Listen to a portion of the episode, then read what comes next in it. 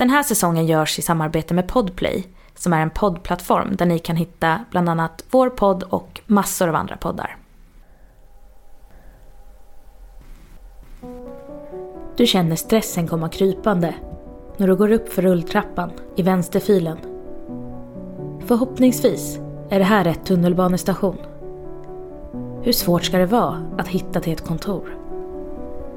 Det är första dagen på nya jobbet och det verkar som att du kommer bli sen.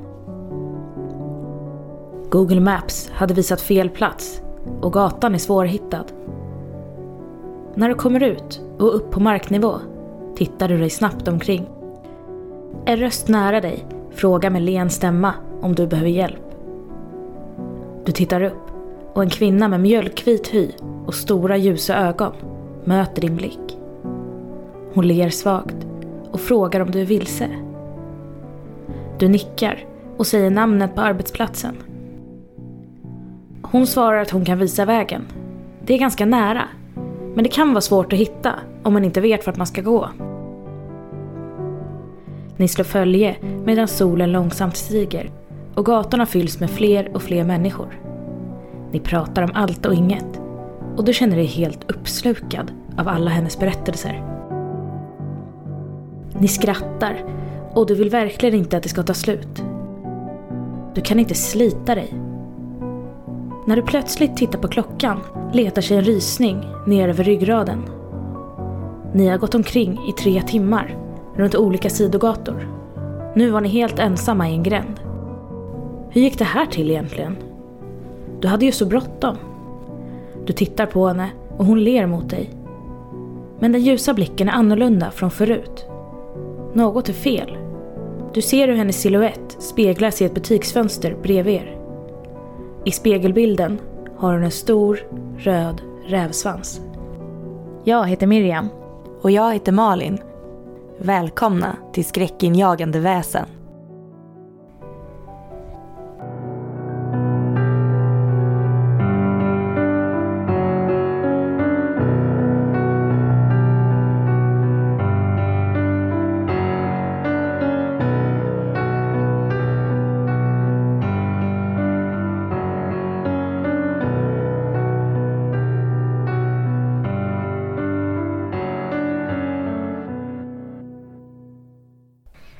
Hej och välkomna till Skräckinjagande väsen. Idag ska vi prata om den japanska varelsen Kitsune. Kitsune är ju en typ av rävande och eh, vi vet att det är många av er som har hört talas om henne och även frågat om när vi ska berätta om just Kitsune. Som jag har förstått det så är Kitsune ganska vanlig både i tv-serier och i vissa tv-spel och dataspel och så. Mm. Så att Kitsune är en varelse som jag tror att många av er har hört om i andra sammanhang. Jag vet att det är en Kitsune i Teen Wolf till exempel. Just det, det stämmer. Det finns ju även en Pokémon som är inspirerad av Kitsune. Nämligen Ninetales. Ja, och eh, vi tänkte börja med att eh, berätta lite fakta om Kitsune.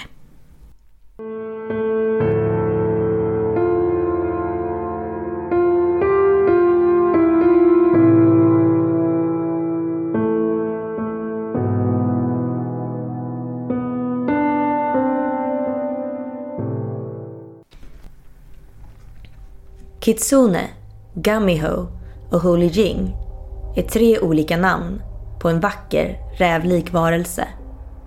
Den har olika namn i Japan, Korea och Kina.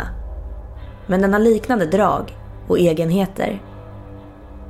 Kitsune, som varelsen kallas i den japanska folktron, sägs vara ett mycket förföriskt väsen. Alla tre länderna är också överens om att den här förföriska räven i de flesta fall ses som ond och en varelse som du ska passa dig för. Men hur urskiljer man då den här varelsen ifrån andra? När de är nyfödda kan den utan problem smälta in bland en grupp vanliga rävar. Men över tid får den sitt vackra, karaktäristiska utseende. Det sägs bland annat att Kitsune får en ny svans vart hundrade år. Ända tills den har totalt nio stycken. Det skulle också kunna vara så att ingen har haft chansen att se en kitsune som är mer än 900 år gammal.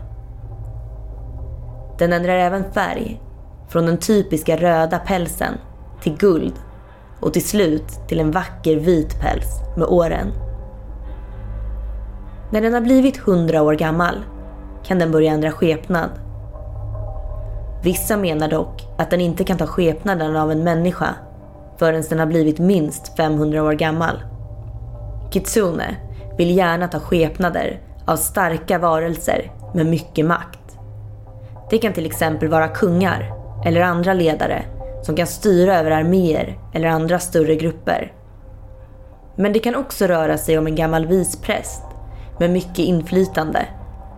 Eller förföriska, vackra kvinnor som kan styra folk med sin kvinnliga list. Det sägs till och med att de allra äldsta kitsunes kan ta skepnaden av omöjligt höga träd. Eller till och med en andra måne på himlen. Det är dock inte omöjligt att avslöja en förklädd kitsune. Likt många andra varelser vi har talat om så är förvandlingen sällan perfekt. Och det är inte omöjligt att du till exempel får syn på en burrig svans som sticker fram under kläderna. Eller ser ett par rävöron under hatten. Kitsune är i sin naturliga form ett kvinnligt väsen. Men kan som redan nämnts ta formen av både män och kvinnor när den förklär sig. I den japanska folktron brukar man tala om tre olika sorters kitsune. Den första är Yoko. Det här är egentligen ingen rävande utan en demon som tagit skepnaden av en räv. Den är naturligtvis ond och du kan höra den gråta likt ett nyfött barn i skogen. Den här ska du passa dig för. Den andra är Mubo. Mubo ses inte som ond utan som en medhjälpare och väktare. I Japan kan du se statyer av dessa utanför helgedomar och kyrkogårdar. De bär alltid en typisk röd kappa. Den sista är Nogitsune. Nogitsune är ingen ledare och likt Yoko är den vanligtvis ond. De sägs vara vilda då de inte samarbetar med andra utan är fria och göra precis som de själva vill. Det här är den varianten som man ofta stöter på i olika texter och berättelser. Även om de flesta av dem är onda bråkstakar som gillar att hitta på bus, så finns det även berättelser där dessa har hjälpt människor i olika situationer. Som sagt är det inte omöjligt att avslöja en kitsune som tagit en mänsklig form. Utöver att du kan få syn på en svans eller ett par öron, så talar de oftast väldigt gammeldags och med en väldigt ovanlig rytm och takt. Ofta för fort eller alldeles för långsamt. Legenderna säger också att det finns flera ord som en kitsune har svårt att uttala. Ett av dessa ord är moshi. Det sägs att det är därför många nu svarar i mobiltelefonen med att säga just moshi moshi för att bekräfta att de inte är en kitsune. Det viktigaste är som vanligt att du litar på din magkänsla. Om någon du möter känns för bra för att vara sann, eller om du får en konstig känsla av en person, se då till att genast gå därifrån.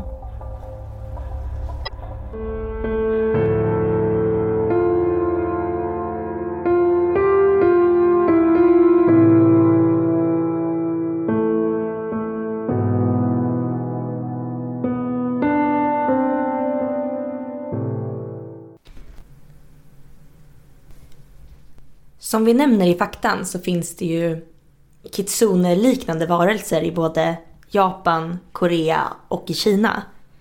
Och de skiljer sig lite åt i de olika länderna. Vi pratar ju mest om kitsune, den japanska varianten i faktan. Ja. Eh, för Korea har ju också sin variant, Gummiho. Och eh, Gummiho kan både vara kvinnlig och manlig till skillnad från den japanska kitsunen som alltid är kvinnlig i sin ursprungsform. Eh, däremot så en gummiho förvandlas alltid till en kvinna.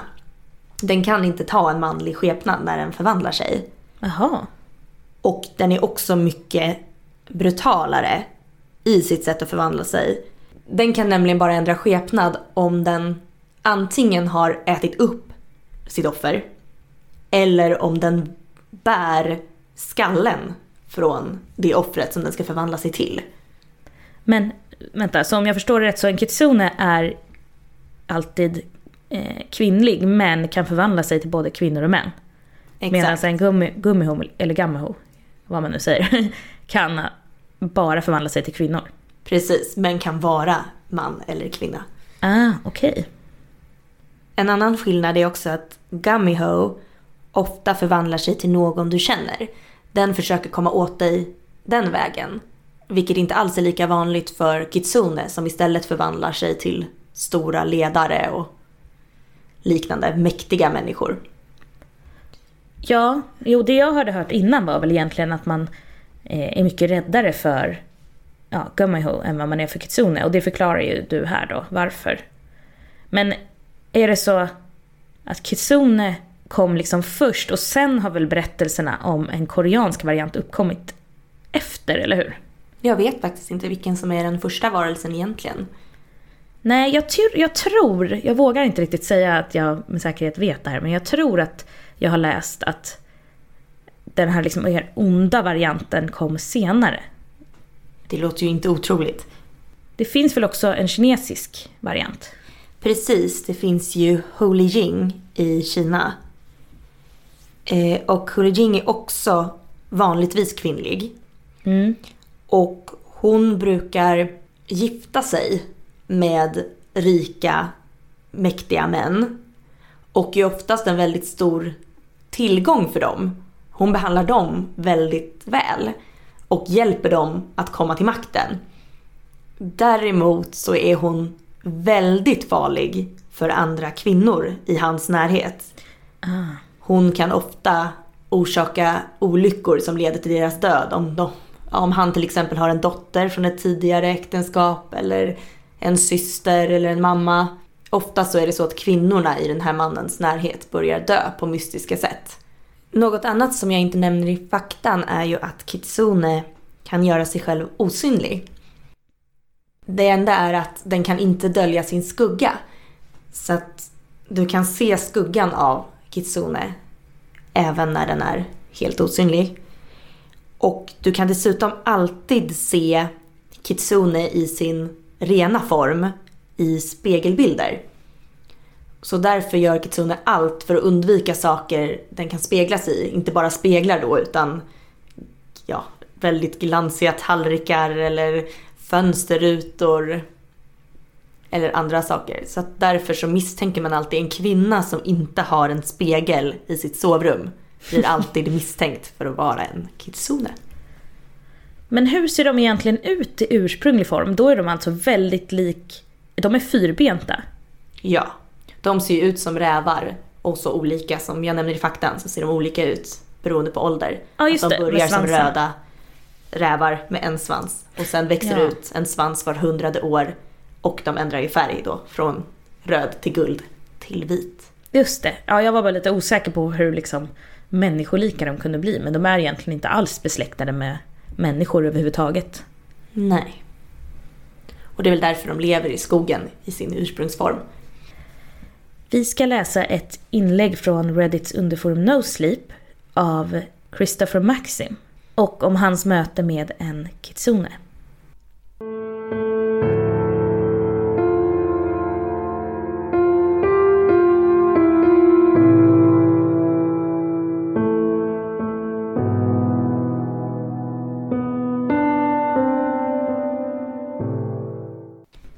Det har gått snart ett år. Det är så mycket tid som har passerat sedan min fru Jessica gick bort. Hon var och är fortfarande den största kärleken i mitt liv.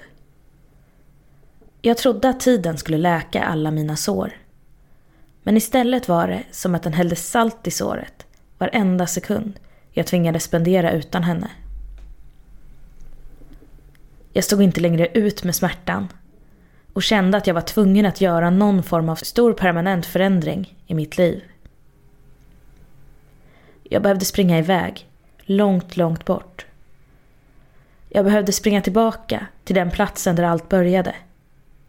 Så det gjorde jag. Vi träffades i Asabu i Japan för tre år sedan. Jag minns den dagen tydligt. Både på grund av mitt brutna ben och självklart på grund av att jag då mötte Jessica.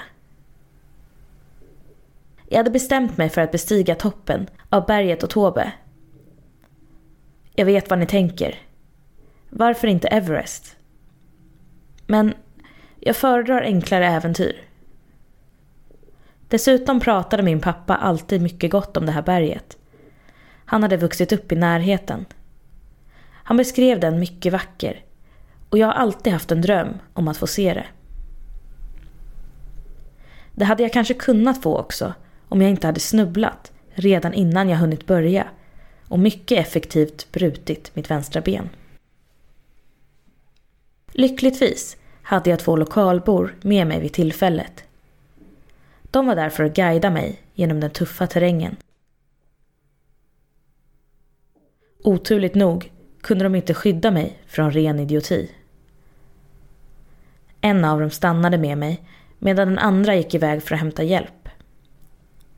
Det skulle ta ett par timmar innan hjälpen skulle kunna komma hit, då vi inte precis var nära någon civilisation. Till slut kom dock hjälpen i form av en mycket vacker kvinna. Hon var slank, hennes hår var blont och hon var amerikan, precis som jag.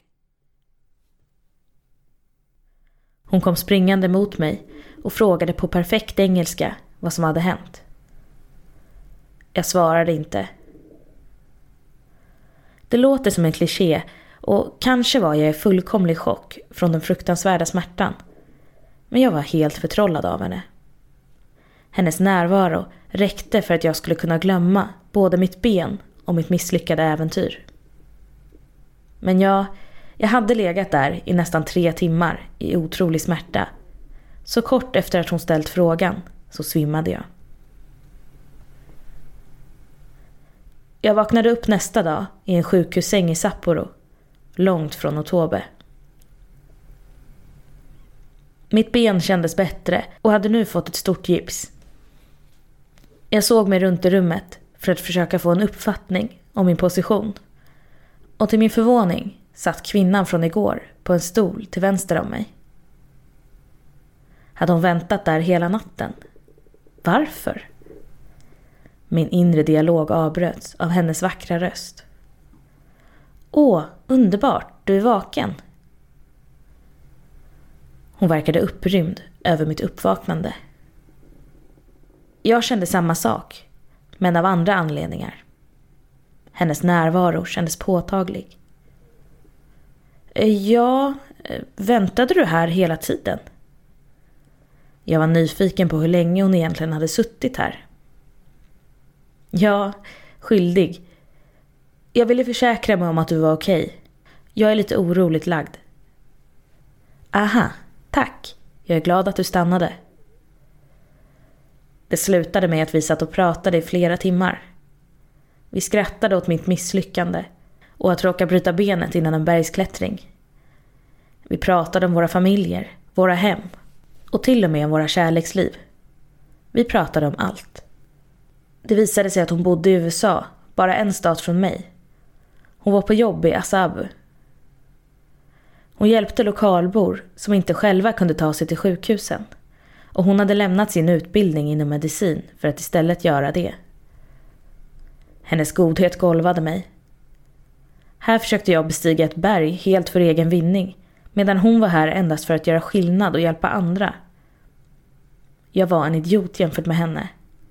Men ändå föll hon för mig. Precis som jag gjorde för henne. Trots hennes stora ambitioner flyttade vi båda två tillbaka till USA och gjorde oss hemmastadda. Kärlek är det enda som är starkt nog att få dig att glömma de allra viktigaste sakerna i ditt liv. Det kan till och med få dig att glömma hur viktigt livet självt är. Efter att flera år har gått samma väg till jobbet på det lokala sjukhuset kom faran ikapp henne. Hon träffades av en buss som körde för fort nerför vår gata. Hon dog direkt. Jag hade sagt gång på gång att jag skulle köpa en bil åt henne. Men hon hade vägrat. Hon njöt för mycket av sina promenader genom vår pittoreska men livliga stad. Att gå till jobbet gjorde henne lycklig. Hennes sista promenad tog allt. Inte bara från henne, från mig också. Jag hatar vårt hem nu. Jag hatar vår stad. Jag hatar också kollektivtrafiken. Jag bestämde mig bara några dagar efter hennes begravning för att flytta till Asabo i Japan. Till platsen där vi först hade mötts. Förändringen kändes först inte så svår. Mina tankar var helt fokuserade på flytten och det kändes som att jag gjorde något bra. Något mycket välbehövligt för min egen hälsa. Jag välkomnades också med öppna armar av lokalborna. Nykomlingar var ovanliga här och en anledning till att fira. På grund av det fick jag chansen att träffa nästan alla i min lilla by på en gång, precis utanför min dörr. Det var trevligt. Kort efter mitt stora välkomnande byttes min känsla av glädje mot en känsla av rädsla. Jag satt i min lilla stuga, ensam och ofrivillig att låta min frus död krossa mig helt. Det var nästan outhärdligt, men inte oväntat. Jag var medveten om att jag förr eller senare skulle vara tvungen att sörja hennes död. Och jag visste att jag skulle göra det. Första dagen i mitt nya hus kändes som ett bra tillfälle. Månaderna flöt på och årstiderna kom och gick. Mina rutiner i Asabu var enkla att förhålla sig till. Saker kändes lite bättre. Men jag var fortfarande inte mig själv utan Jessica. Jag visste att jag aldrig skulle bli det igen. Livet flöt på och jag var medveten om att det nog var så bra som det skulle kunna bli för mig nu. Men den tanken ändrades radikalt en kväll när jag promenerade hem från den lokala puben. Jag följde gatlampornas ljus på väg hem till stugan. Jag räknade alla medan jag passerade dem. Det var bara en sån där grej som jag hade börjat med för att skingra tankarna och få tiden att gå. Det hjälpte mig att veta hur långt avståndet mellan stugan och puben var. Det var exakt 37 lampor på vägen hem. Utplacerade med cirka sju meters mellanrum. När jag nått den artonde lampan visste jag att jag var ungefär halvvägs hem. Den här specifika natten kom jag dock inte så långt. Jag nådde den elfte lampan och fick syn på något som fick mig att tvärstanna. Där, sju meter framför mig, nära den tolfte lampan, stod en skuggig figur. Det var tveklöst en kvinna, men jag kunde inte riktigt urskilja hennes drag. Jag stod och såg på henne. Jag hade inte en enda gång under de månader jag bott här stött på någon på min väg hem. Ingen annan tycktes gå den här vägen på natten. Det var aldrig en enda själ ute utom jag så här sent. Jag var förvirrad. Medan jag övervägde vad jag skulle göra gick kvinnan närmare ljuset. Det var då min haka föll. Kvinnan var ingen annan än min fru Jessica. Men hur? Det var omöjligt. Jag såg på när hennes kista hissades ner i jorden. Men där stod hon nu, lika vacker som vanligt och stirrade på mig. Det var overkligt. Jag kan inte riktigt förklara hur det kändes, men jag är säker på att om du själv förlorat någon som betyder mycket för dig så kan du föreställa dig den hårda klumpen jag kände i bröstet. Jag hade inte ens chansen att samla mina tankar innan hon pratade. Kom. Jag förstod inte vad som hände, så naturligtvis ville jag ha svar. Jessica, hur, hur är det möjligt? Du lever inte. Det här kan inte vara på riktigt. Kom. Hennes röst hade samma ton som första gången. Helt oberörd av min nyfikenhet.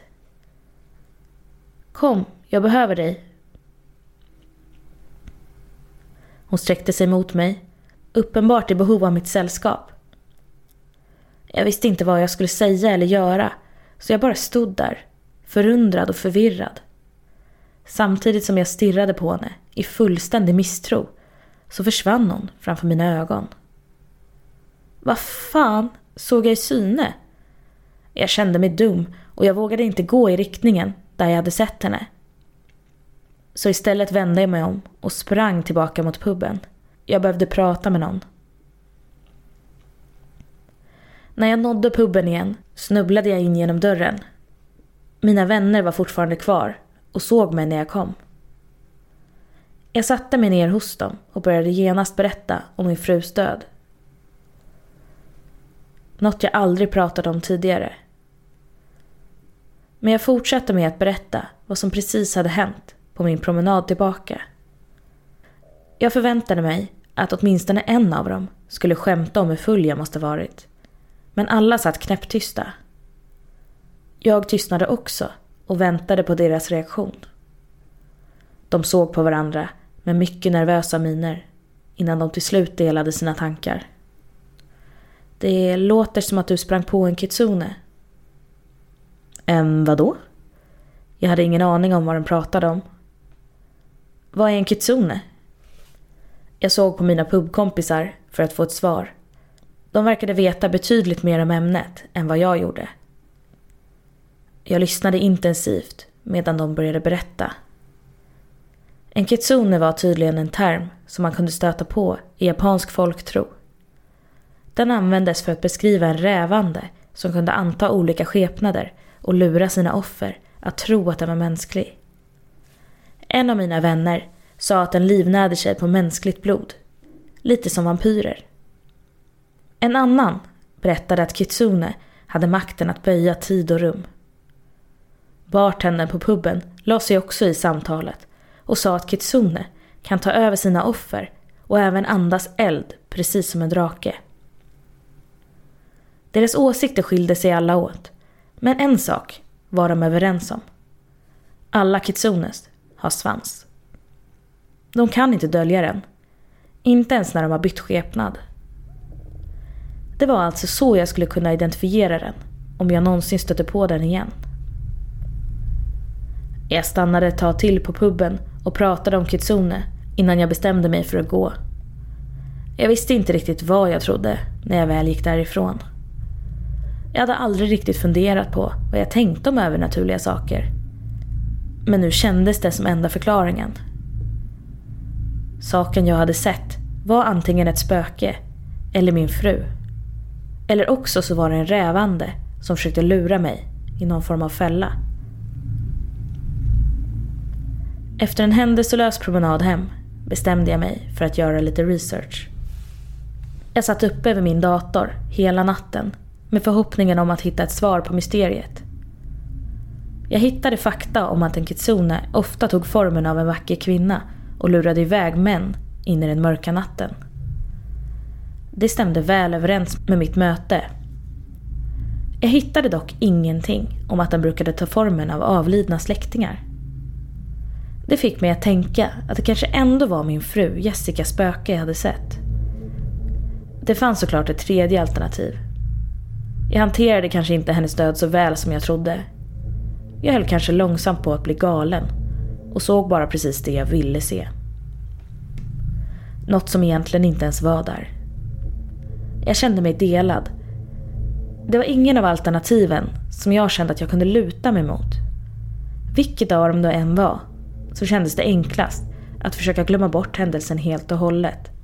Dagar, veckor, månader och till och med år passerade den natten då jag hade sett Jessica stå där på vägen. Mina vänner frågade aldrig om händelsen igen och jag lyfte aldrig ämnet. Jag ville glömma och det ville de också. Jag fortsatte att promenera längs vägarna på nätterna men jag såg henne aldrig Ibland kom jag att tänka på händelsen, men bara som en flyktig tanke. Det hade varit lätt att fastna i de tankarna i mitt sörjande tillstånd, så därför lät jag dem vandra vidare. Jag hade nästan helt lyckats förstöra minnena av det helt och hållet, tills en natt som fick dem att krypa upp till ytan igen.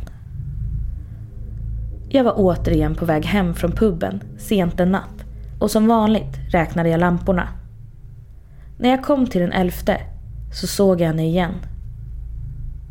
Det var först bara en siluett. Men jag visste att det var hon.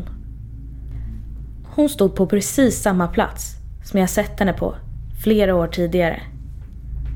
Hon skrämde mig lika mycket nu. Men varför? Varför väntade hon så länge på att komma tillbaka? Jag var nu övertygad om att jag inte var galen. Hon måste vara ett spöke eller en kitsune. Innan jag hann fundera mer så tog hon ett steg i skenet från lampan och pratade. Jag stod helt stilla och tyst. Avståndet mellan oss gjorde att jag kände mig säkrare. Jag behöver dig. Du måste följa med mig. Hon började röra sig mot mig nu. Jag kände mig inte lika säker längre. Kanske var det min överväldigande nyfikenhet. Eller kanske var jag i chock. Men jag kunde inte röra mig ur fläcken. Hon rörde sig elegant framåt samtidigt som hon pratade. Är inte det här vad du vill? Gör inte jag dig lycklig?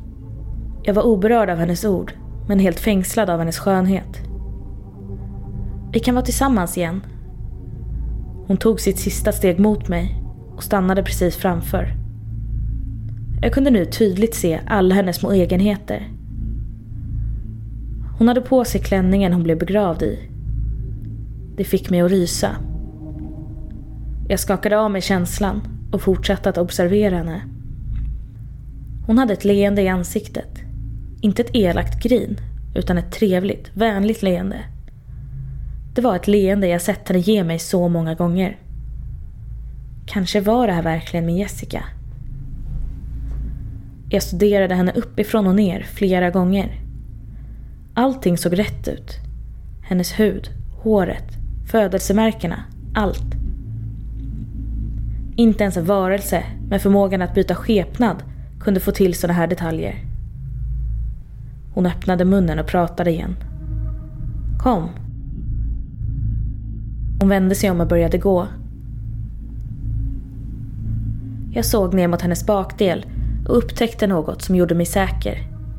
Det fanns ingen svans.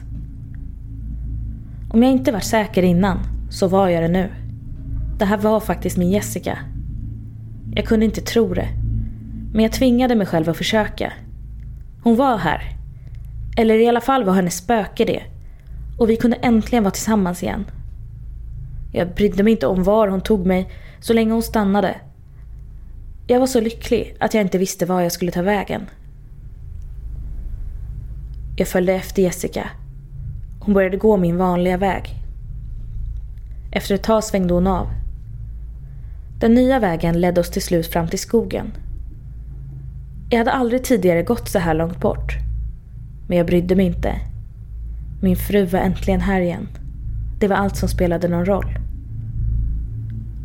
Vid kanten av skogen stannade Jessica. Hon stirrade in bland träden samtidigt som hon pratade. Kommer du följa med mig? Jag hade följt henne till världens ände så det fanns ingen anledning att ens ställa frågan. Självklart Jessica. Jag följer med dig var som helst. Jag älskar dig.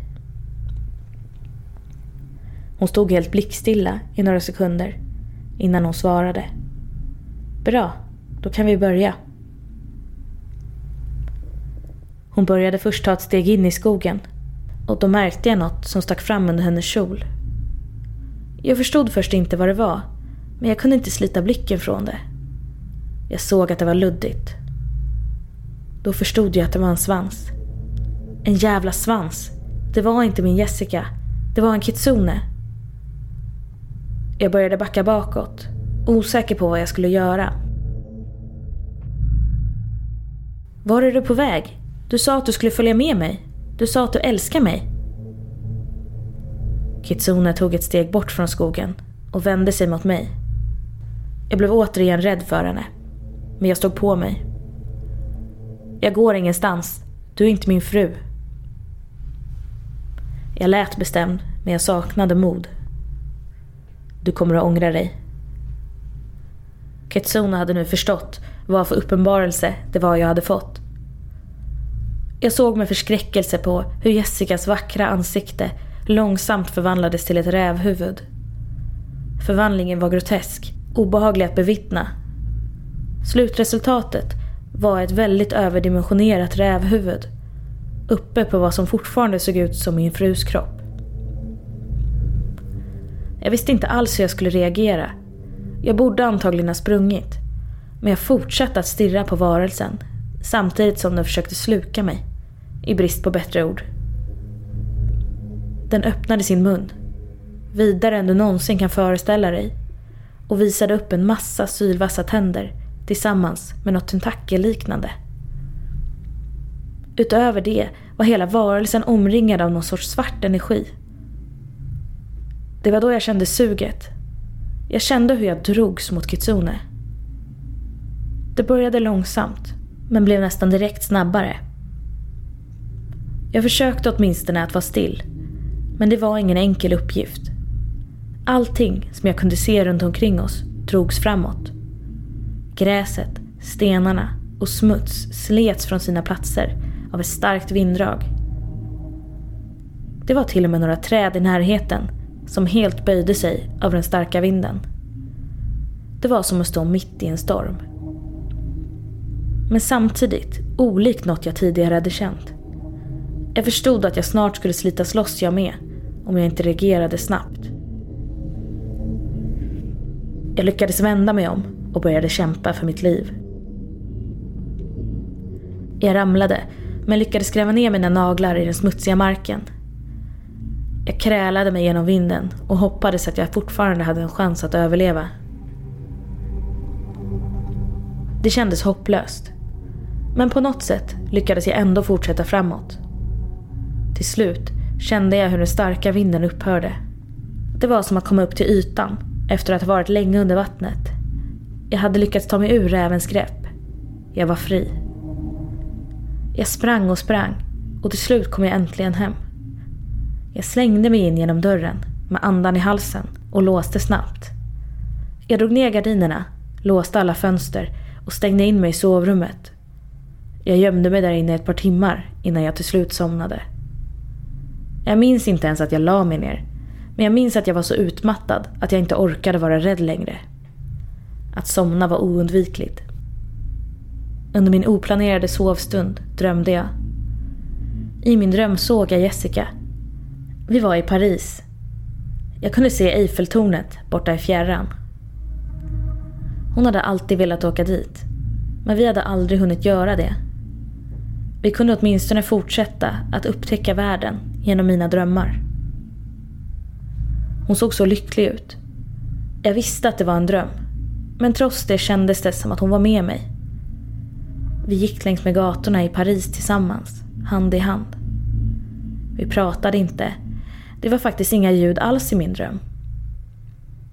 Jag lade märke till bristen på ljud, men det förstörde inte upplevelsen.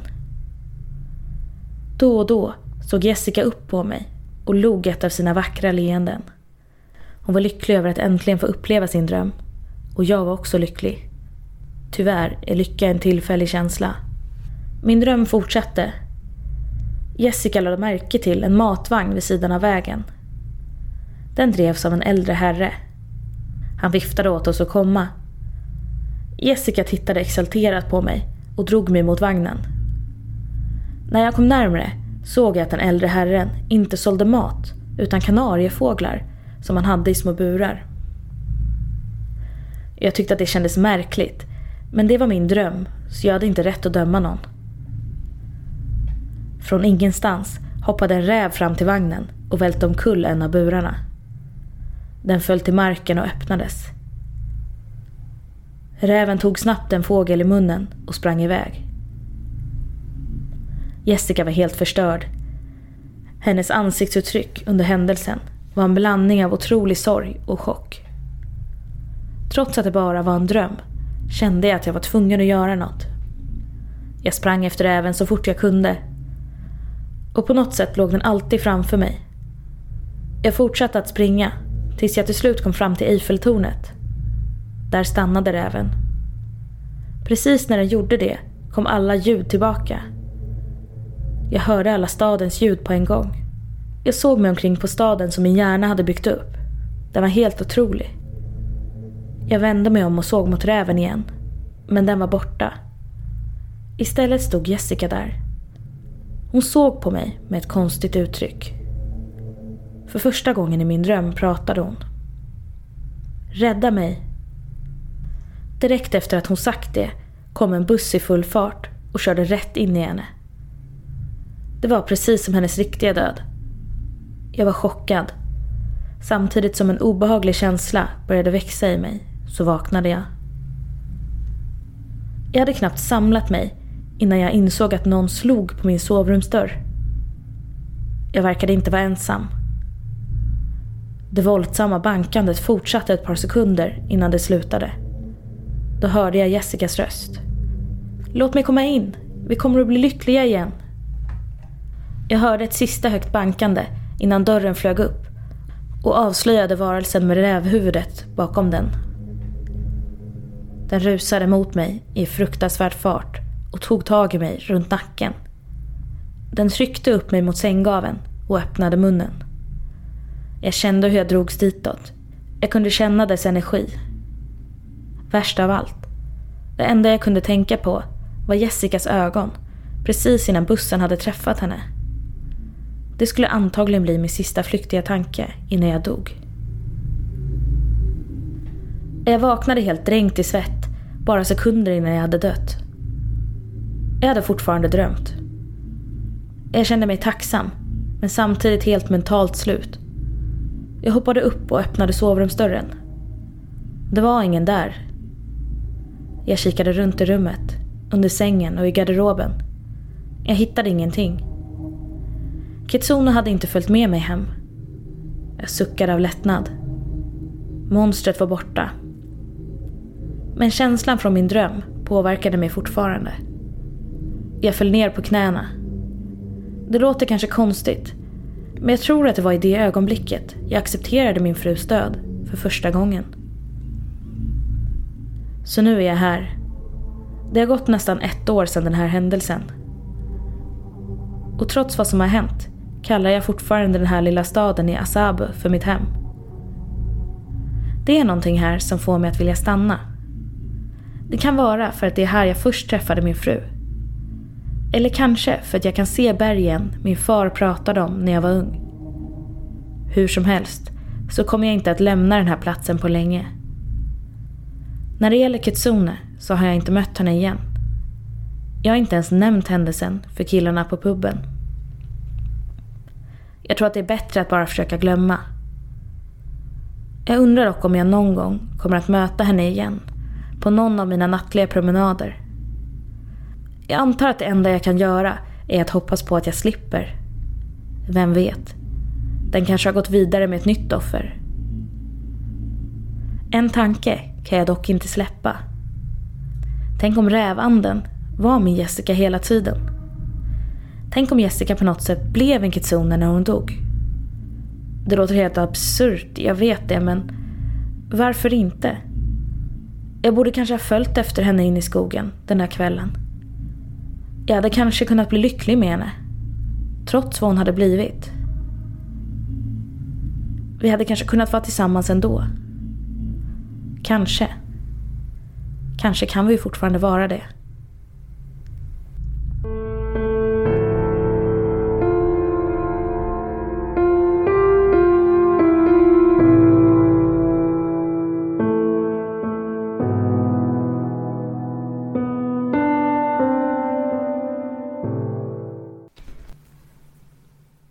Vi har ju funderat lite kring den här storyn och eh, vi tror ju att Jessica kanske var en kitsune redan från början.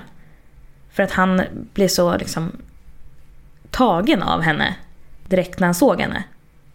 Ja, precis som vi pratade om så var det ju det att, precis som du säger, inte nog med att han blev så liksom starstruck direkt. De träffades ju också mitt ute i skogen. Hon kom från ingenstans och var bara lite för perfekt. Ja, han fokuserar också väldigt mycket på hennes yttre även när hon kommer tillbaka. Och jag tänker då lite som jag nämnde att Gummyho ofta För han nämner ju i sitt inlägg att han inte hittade någon fakta om att Kitsune brukade ta formen av nära släktingar och vänner Mm. och så. Men Gummyho gör ju precis just det. Så att jag tänker att det ändå inte är omöjligt att det är en Kitsune. Det var allt vi hade för den här veckan. Och eh, vi kommer tillbaka igen nästa vecka. Vill ni skriva till oss så heter vi skrackinjagandevasen gmail.com. Och så finns vi också på Instagram och på Facebook. Tack för att ni har lyssnat idag. Hej!